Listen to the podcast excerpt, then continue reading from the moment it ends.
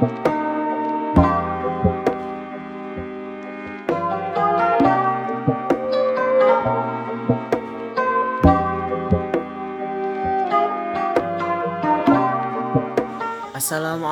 warahmatullahi wabarakatuh. Halo semuanya, kita kembali lagi di On Kazani Gimana nih kabar kalian semua? Semoga kita selalu dalam keadaan sehat-sehat saja ya. Sebelumnya perkenalkan saya Syarif Kali ini saya diamanahkan untuk menjadi host On Kazani Mungkin ada teman-teman yang belum tahu apa sih Kazani itu? Jadi Kazani itu sebenarnya kajian offline yang selalu kita laksanain setiap hari Senin di Gedung Fakultas Ekonomi dan Bisnis UIN Syarif Hidayatullah Jakarta. Namun dikarenakan keadaan saat ini masih dalam keadaan pandemi, maka kita alihkan kajian ini ke media platform podcast. Jadi walaupun kita semuanya stay at home, nggak bisa keluar ke mana-mana, kita tetap bisa dengerin kajian-kajian yang bermanfaat dan juga bisa menambah wawasan kita. Nah teman-teman, On Kazani kali ini merupakan episode yang kedua. Jadi bagi teman-teman yang belum dengerin On Kazani episode pertama, boleh banget nih buat didengerin karena materinya itu sangat menarik yaitu tentang produktif walau stay at home. Oh ya teman-teman, berhubung kita bakal menyambut bulan suci Ramadan dalam waktu dekat ini, jadi tema On Kazani kali ini ialah bercermin dengan Ramadan yang akan disampaikan oleh abang kita yaitu Bang Musab Izzuddin SSI.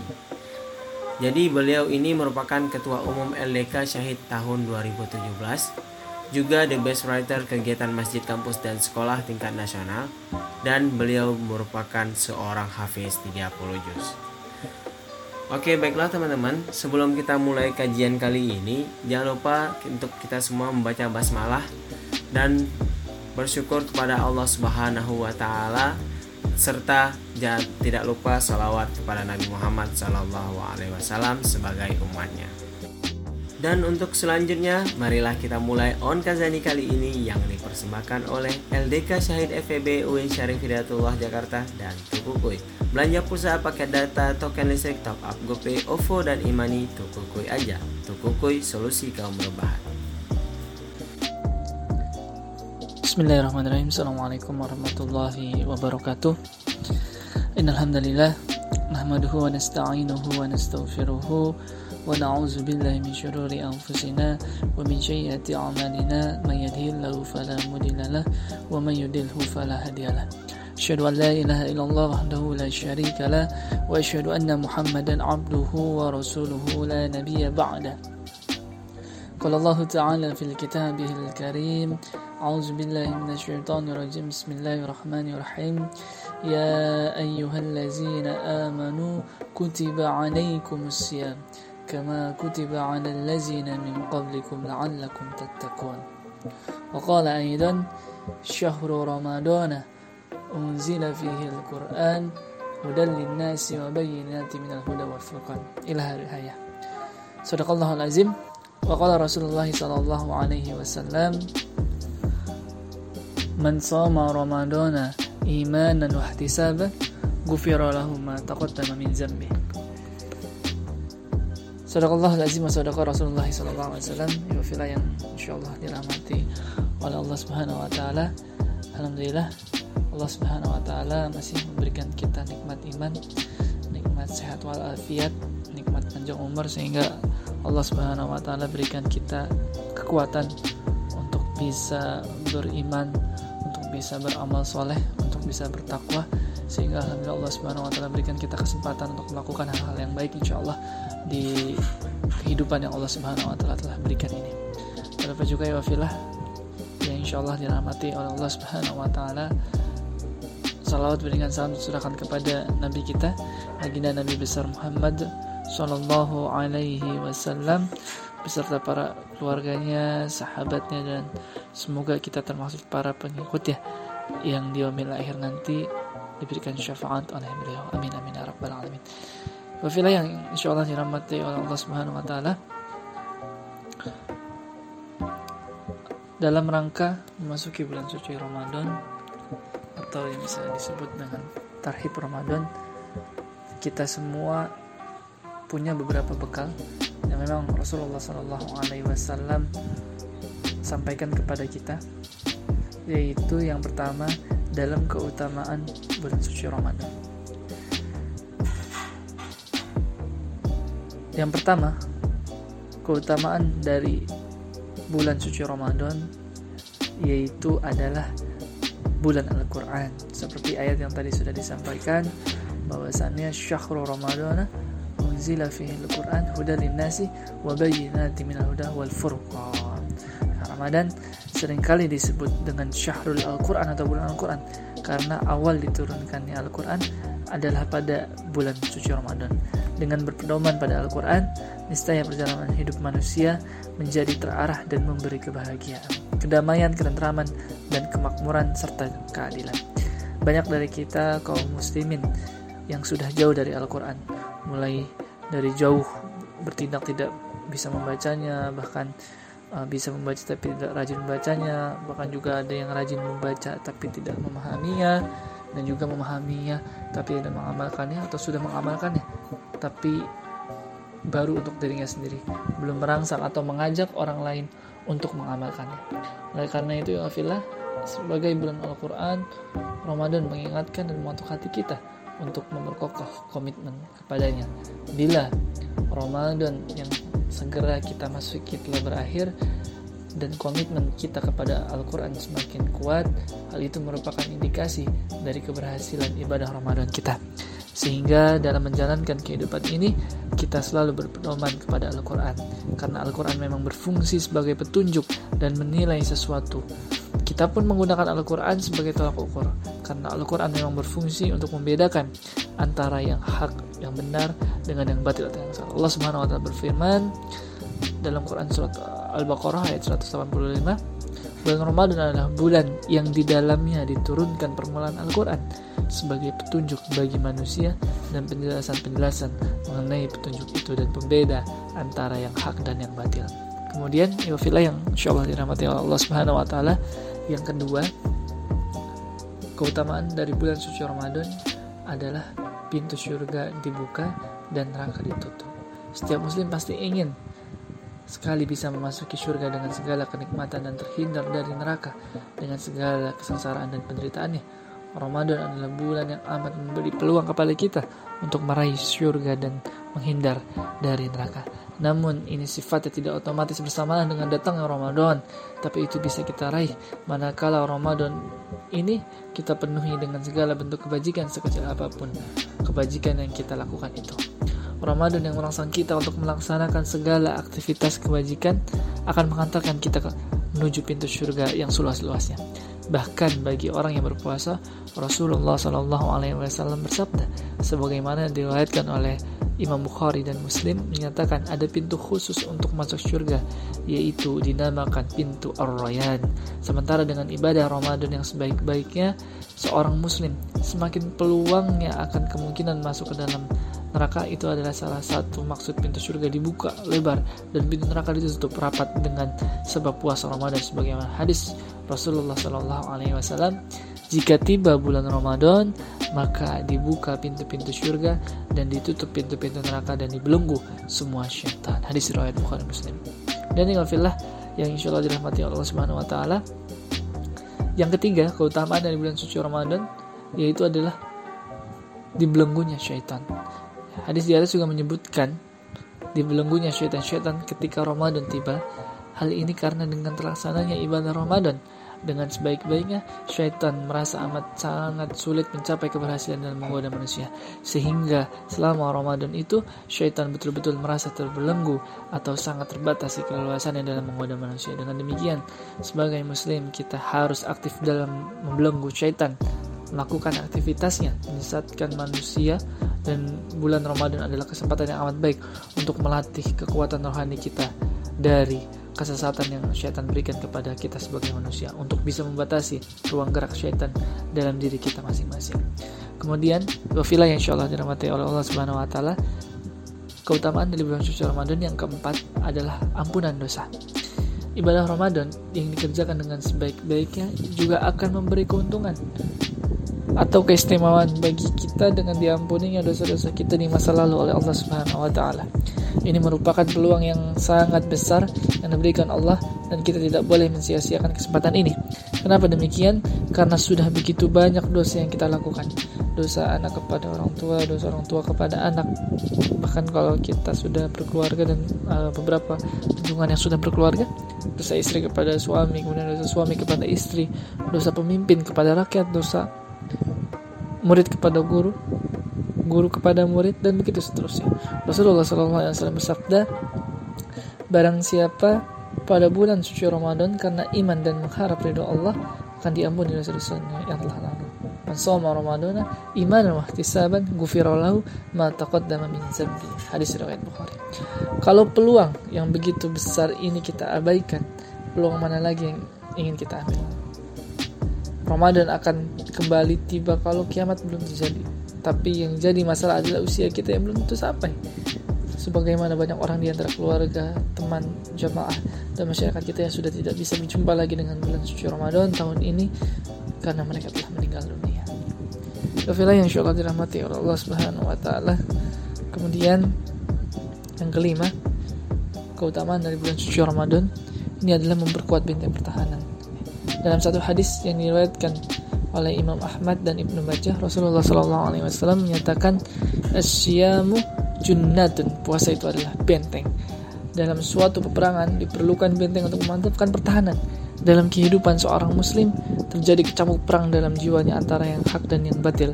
Untuk bisa memenangkan peperangan itu seorang muslim harus memiliki benteng pertahanan yang kuat sehingga bisa menghalau segala godaan syaitan Puasa sebagai upaya memperkuat benteng pertahanan rohani merupakan sesuatu yang amat penting. Tersebar luasnya kemaksiatan dan kemungkaran, sulitnya memperkokoh persatuan Islam dan umat Islam pada hakikatnya adalah karena lemahnya kekuatan rohani yang membuat syaitan menjadi begitu berkuat atas diri kita. Karena itu, dalam kondisi kehidupan masyarakat kita yang masih amat jauh dari nilai-nilai Islam, peran puasa Ramadan menjadi sesuatu yang mendasar dalam membentengi jiwa umat Islam dalam menghadapi godaan-godaan syaitan yang tidak nanti. Kemudian yang keenam, ya filah yang insya Allah dirahmati Allah Subhanahu Wa Taala. Yang keenam dari keutamaan bulan suci Ramadan adalah mendapatkan pahala yang besar. Keutamaan penting dari bulan Ramadan adalah diberikannya pahala yang begitu besar kepada siapa saja yang melakukan kebaikan atau amal yang soleh. Hal ini akan membuat kita semakin terlatih atau terbiasa untuk melakukan amal-amal yang soleh. Sebagai sebuah contoh, untuk orang yang memberi makan atau minum kepada orang yang sedang berpuasa, maka Allah Subhanahu wa taala akan memberikan pahala puasa orang yang diberi makan atau minum itu tanpa mengurangi pahala orang tersebut. Ibadah Ramadan memang memberi janji perolehan pahala yang besar. Dengan pahala yang besar itu kita terangsang untuk beramal soleh yang sebanyak-banyaknya, lalu kita menjadi terbiasa melakukannya. Akhirnya, menjadi jelas bagi kita bahwa begitu banyak keistimewaan bulan Ramadan yang membuat kita tidak boleh mengabaikannya begitu saja. Karena itu kehadiran Ramadan pada tahun ini akan kita optimalkan sebagai momentum untuk meningkatkan proses tarbiyah atau pendidikan bagi diri kita, keluarga kita, dan masyarakat kita ke arah terwujudnya pribadi, keluarga dan masyarakat yang selalu berada dalam ketakwaan Allah Subhanahu wa taala. Insyaallah. Allah a'lam Bismillahirrahmanirrahim. Kemudian hal-hal yang kurang bermanfaat yang biasa dilakukan pada bulan Ramadan. Nah, di sini ada beberapa kebiasaan buruk nih bagi uh, orang pada umumnya. Ada 8 kebiasaan buruk yang sering mungkin kita lakukan di bulan Ramadan ini. Ya. Yang pertama adalah tidur setelah sahur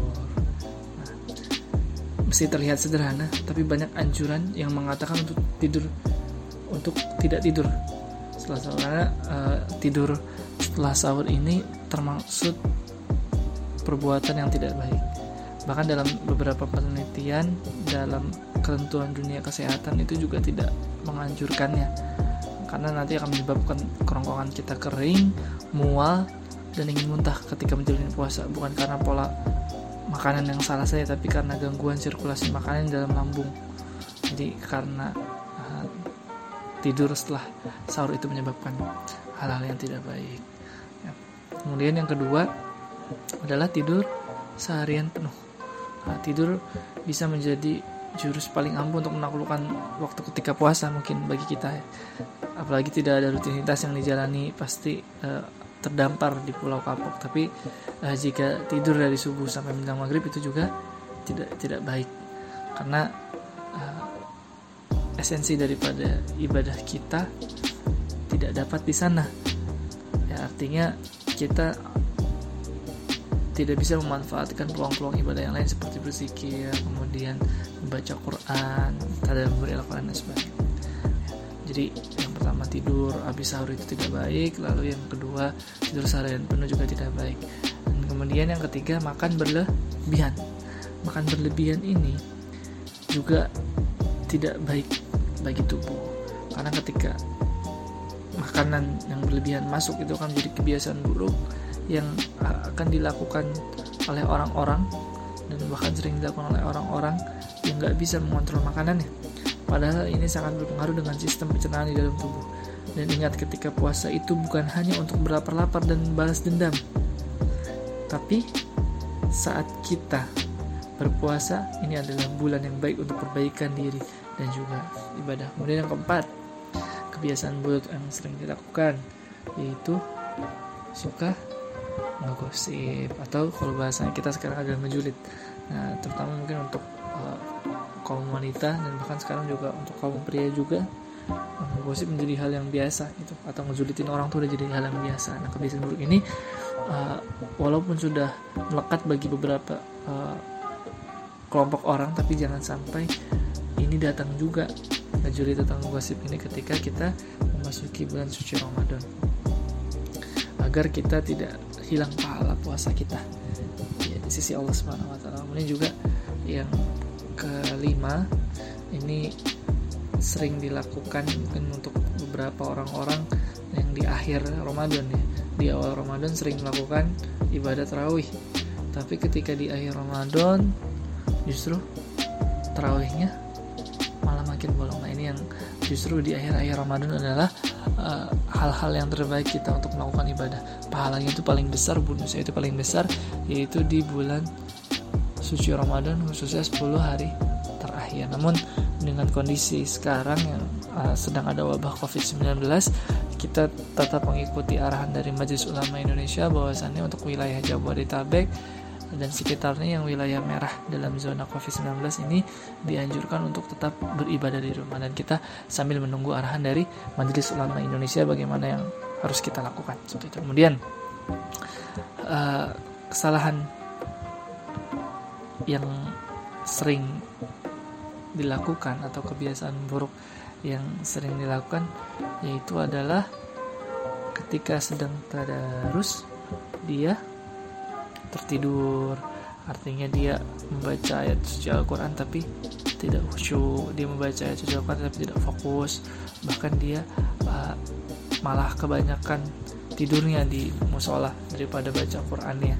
Seperti itu ketika uh, dia sedang ada di masjid atau di musola. Mungkin kalau bagi wilayah yang sedang tidak kena COVID-19 seperti Kalimantan ya atau beberapa wilayah yang masih uh, belum zona merah masih bisa melaksanakan ibadah tarawih uh, tadarus di masjid. Namun bagi kita yang sedang dalam kondisi seperti ini tetap beribadah namun pahalanya juga di rumah. Jangan sampai kita keluar rumah, kita ke masjid justru kita malah terkena penyakit atau menyebarkan penyakit itu yang justru menjadi kemaksiatan tapi kita mengikuti arahan ulama bahwasanya Rasulullah SAW juga uh, mengarahkan uh, istimanya ketika itu para sahabat Nabi uh, Ibnu Abbas radhiyallahu an beliau pernah dalam suatu ketika itu pergi selama 8 bulan sehingga ketika pergi dalam 8 bulan itu uh, seluruh ibadahnya dia ruksoh begitu juga dengan kita dalam kondisi seperti ini ini adalah kondisi darurat COVID-19 sehingga kita ada ruksohnya untuk uh, tidak melakukan sholat tarawih di masjid ataupun kita uh, melakukan tadarus di masjid seperti itu. Allahu a'lam. Bismillahirrahmanirrahim. Kemudian tips menghindari kebiasaan dari hal-hal yang tidak bermanfaat. Yang pertama adalah kita membersihkan jiwa. Karena keadaan jiwa seseorang menjadi penentu utama bagi diri dalam bersikap dan perilaku. sikap dan perilaku yang baik atau buruk sangat ditentukan oleh apakah jiwanya bersih atau tidak. Puasa mentarbiah atau mendidik kita untuk menjadi manusia yang memiliki jiwa yang bersih. Indikasi jiwa yang bersih adalah senang melaksanakan apa yang diperintahkan Allah, menjauhi apa yang dilarangnya, serta selalu berupaya untuk menyempurnakan pengabdiannya kepada Allah Subhanahu wa taala.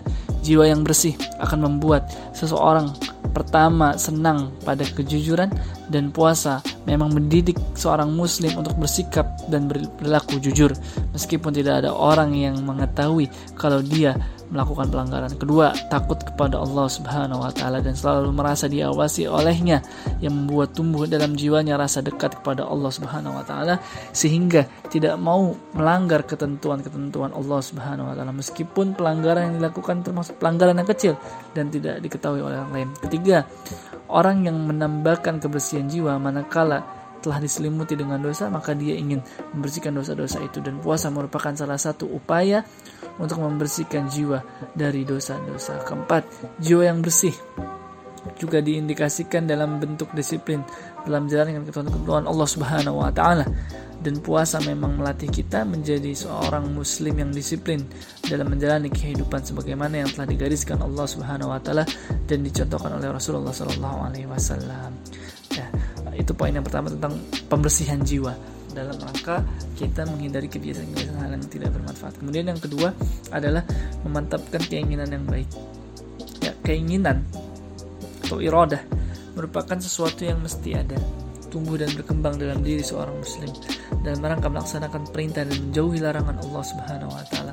Puasa mendidik kita untuk menumbuhkan dan mengembangkan iradah untuk melaksanakan yang baik dan iradah untuk menjauhi segala bentuk keburukan pahala atau imbalan besar yang disediakan Allah Subhanahu wa taala terhadap orang yang berpuasa dengan baik membuat pada dirinya keinginan untuk melaksanakan bentuk kebaikan dan menjauhi segala bentuk keburukan.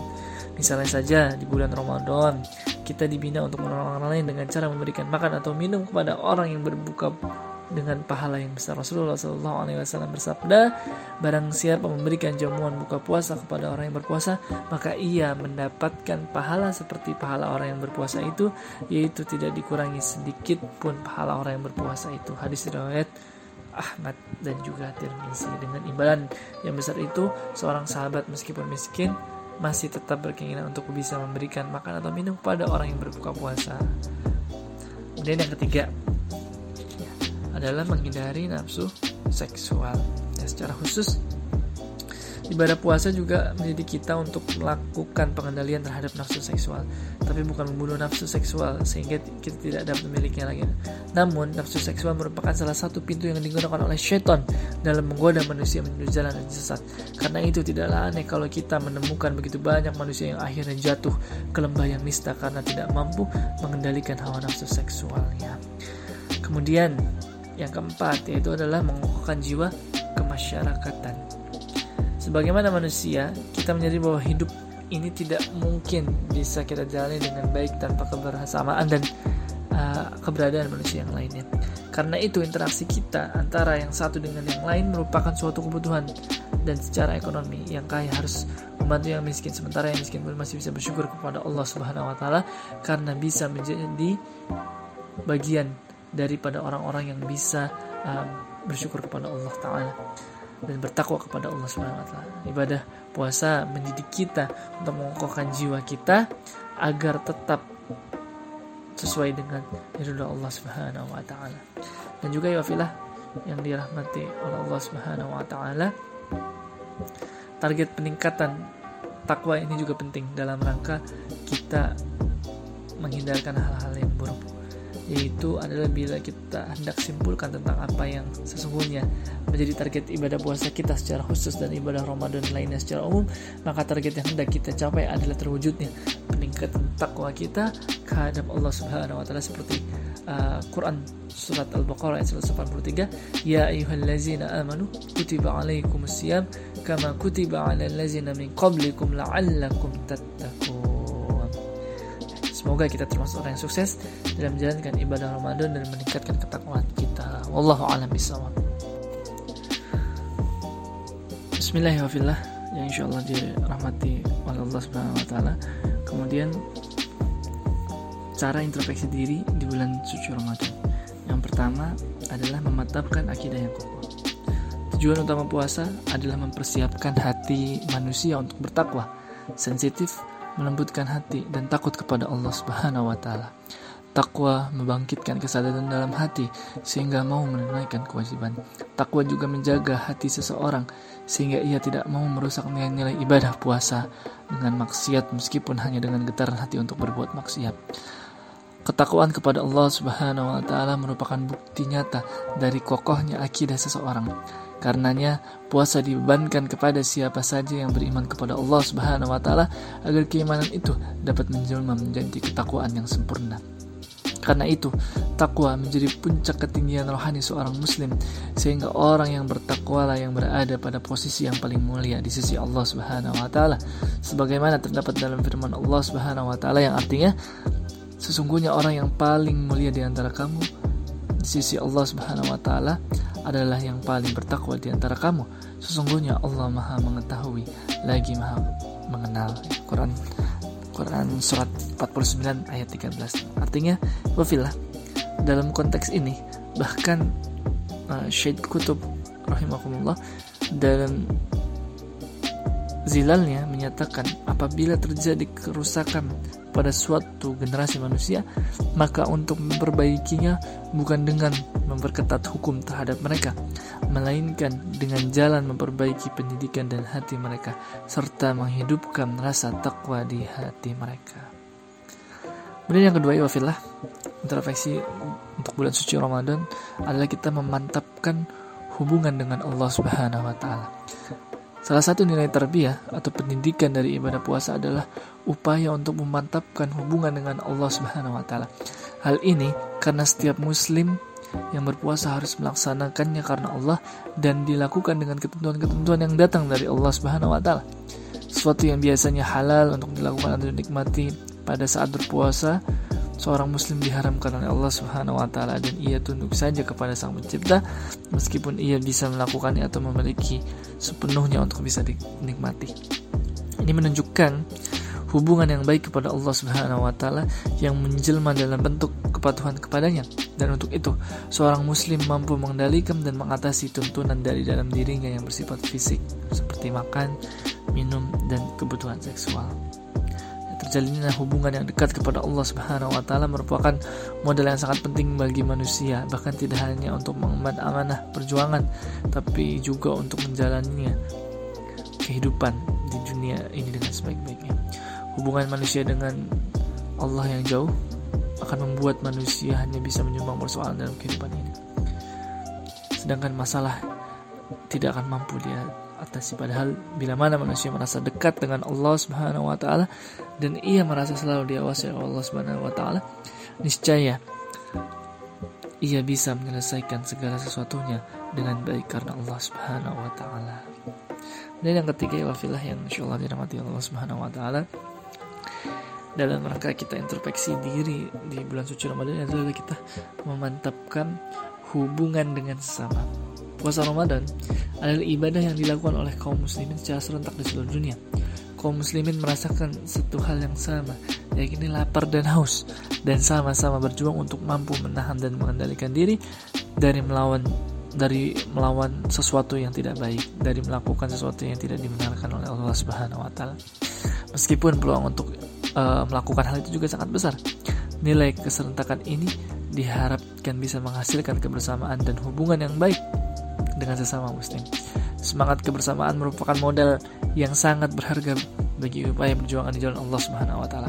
Apalagi dia amat mencintai orang yang berjuang secara bersama-sama dengan kerjasama yang baik. Allah Subhanahu wa taala juga berfirman yang artinya sesungguhnya Allah mencintai orang-orang yang berperang di jalannya dalam suatu barisan yang teratur seakan-akan mereka seperti suatu bangunan yang tersusun kokoh. Quran surat As-Saff ayat keempat.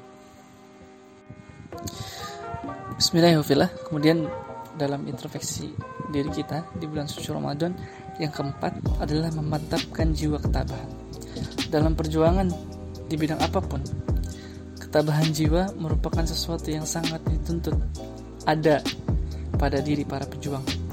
Demikian pula halnya dengan perjuangan di dalam Islam dengan segala dimensinya yang luas. Namun harus kita sadari bahwa ketabahan tidak muncul dengan sendirinya. Masing-masing orang perlu memperoleh pemahaman dan mendapatkan latihan guna memiliki ketabahan. Ibadah puasa adalah salah satu bentuk ibadah yang memberikan pendidikan dan latihan untuk memiliki ketabahan, sehingga seorang muslim yang telah berpuasa semestinya menjadi orang yang memiliki daya tahan yang kuat dalam mempertahankan nilai-nilai kebenaran yang datang dari Allah Subhanahu wa taala meskipun dalam kondisi yang sulit seperti haus, lapar. Oleh karena itu, Yofilah, ketika situasi menjadi begitu sulit dalam perjuangan yang dilakukan oleh Rasulullah SAW, khususnya sesudah wafatnya istri beliau yaitu Siti Khadijah radhiyallahu anha seorang istri dan pendukung perjuangan serta wafatnya paman yang beliau cintai juga yaitu adalah Abu Talib yang sering memberikan perlindungan kepada uh, Nabi dari gangguan orang-orang kafir maka Allah Subhanahu wa taala menegaskan kepada Nabi Muhammad SAW untuk bertahan dan melanjutkan perjuangan apa pun yang terjadi. Hal ini karena kalau bicara tentang kesulitan, generasi terdahulu juga mengalami kesulitan, bahkan kesulitan yang lebih berat lagi sehingga Nabi Muhammad Wasallam bersama para sahabatnya jangan memiliki sikap atau perasaan yang berlebihan dalam arti merasa sangat sulit dalam perjuangan yang jalannya. Allah Subhanahu wa taala berfirman yang artinya maka tetaplah kamu pada jalan yang benar sebagaimana diperintahkan kepadamu dan juga orang-orang yang bertaubat bersama dan janganlah kamu melampaui batas. Sesungguhnya dia maha melihat apa yang kamu kerjakan. Quran Surat ke-11 ayat 112 itu Quran Surat yang dirahmati oleh Allah Subhanahu wa taala dengan demikian momentum ibadah bulan suci Ramadan tahun ini menjadi saat yang sangat penting untuk memperbaiki kondisi pribadi kita, keluarga kita, masyarakat kita dan bangsa kita menuju keriduan dari Allah Subhanahu wa taala. Ya yang insya Allah dirahmati Allah Subhanahu wa taala. Kemudian manfaat kita dalam mengintrospeksi diri di poin kelima ini adalah agar kita bisa memaksimalkan ibadah di bulan suci Ramadan. Dan juga kita meraih derajat takwa. Ya, seperti yang Allah Subhanahu wa taala sampaikan dalam Qur'annya Ya ayyuhallazina amanu kutiba alaikum siyam kama kutiba ala allazi min qablikum la'allakum tattaqun meningkatkan derajat ketakwaan kita makanya Umar bin Khattab radhiyallahu an ketika ditanya oleh para sahabat yang lain wahai Umar apakah itu takwa Umar bin Khattab radhiyallahu an menjawab dengan sebuah filosofi yang sangat menyentuh hati kita.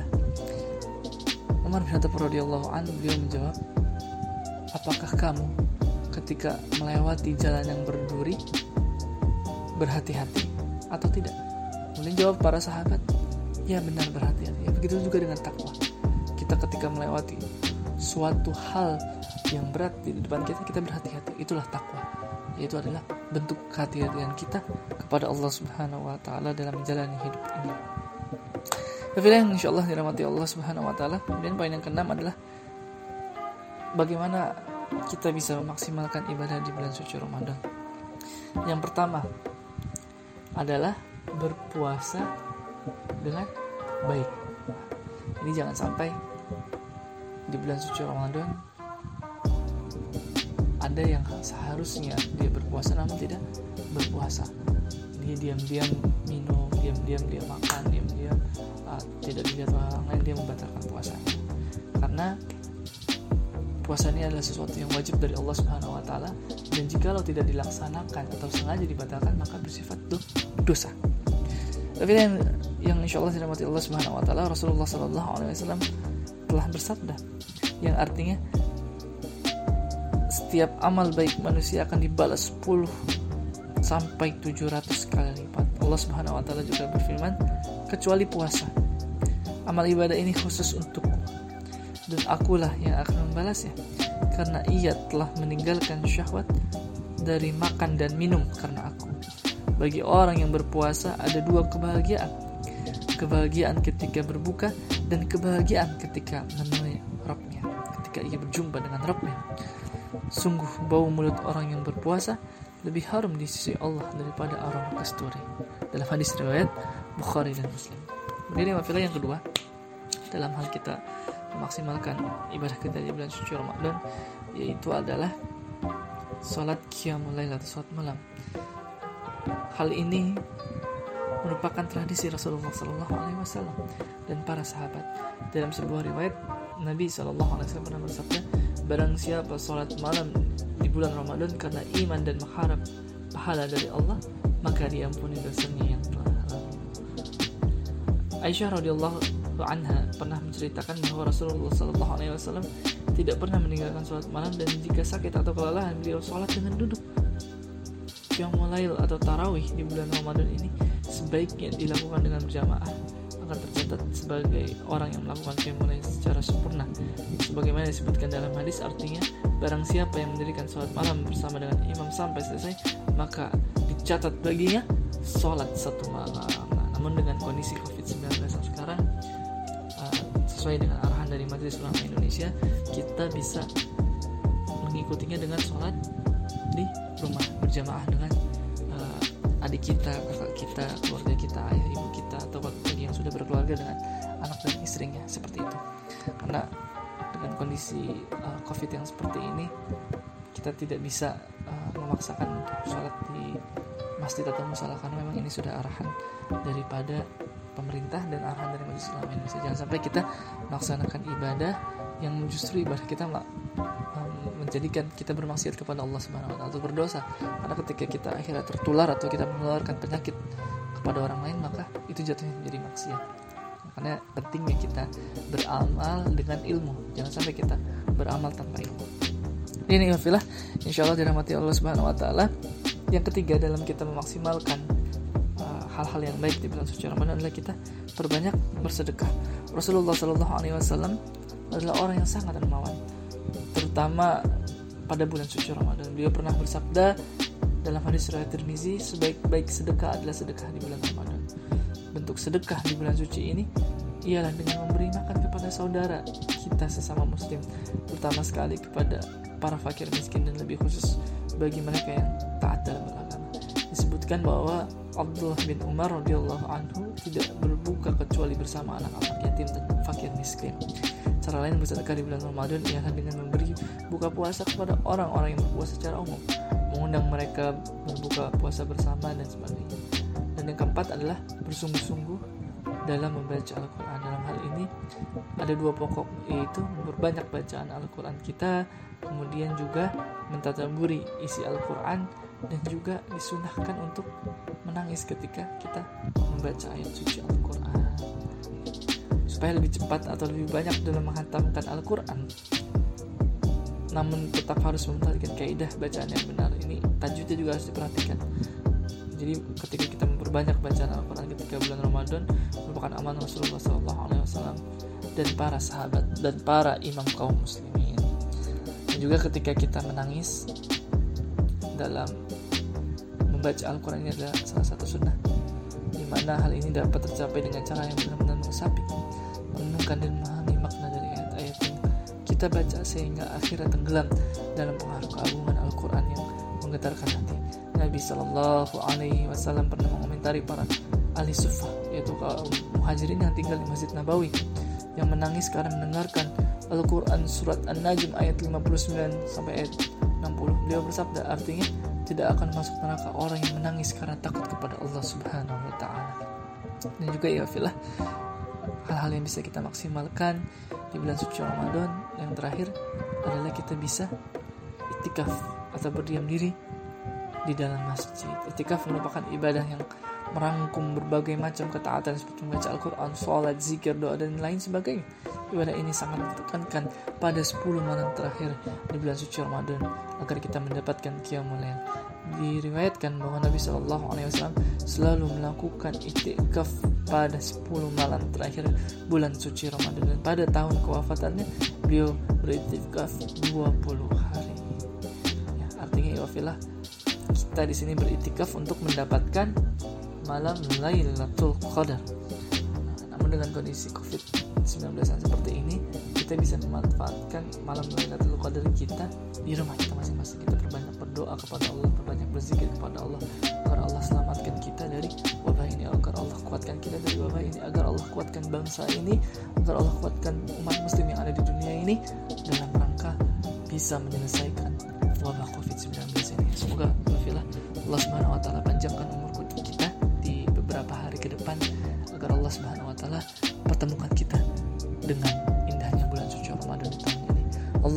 a'lam bishawab.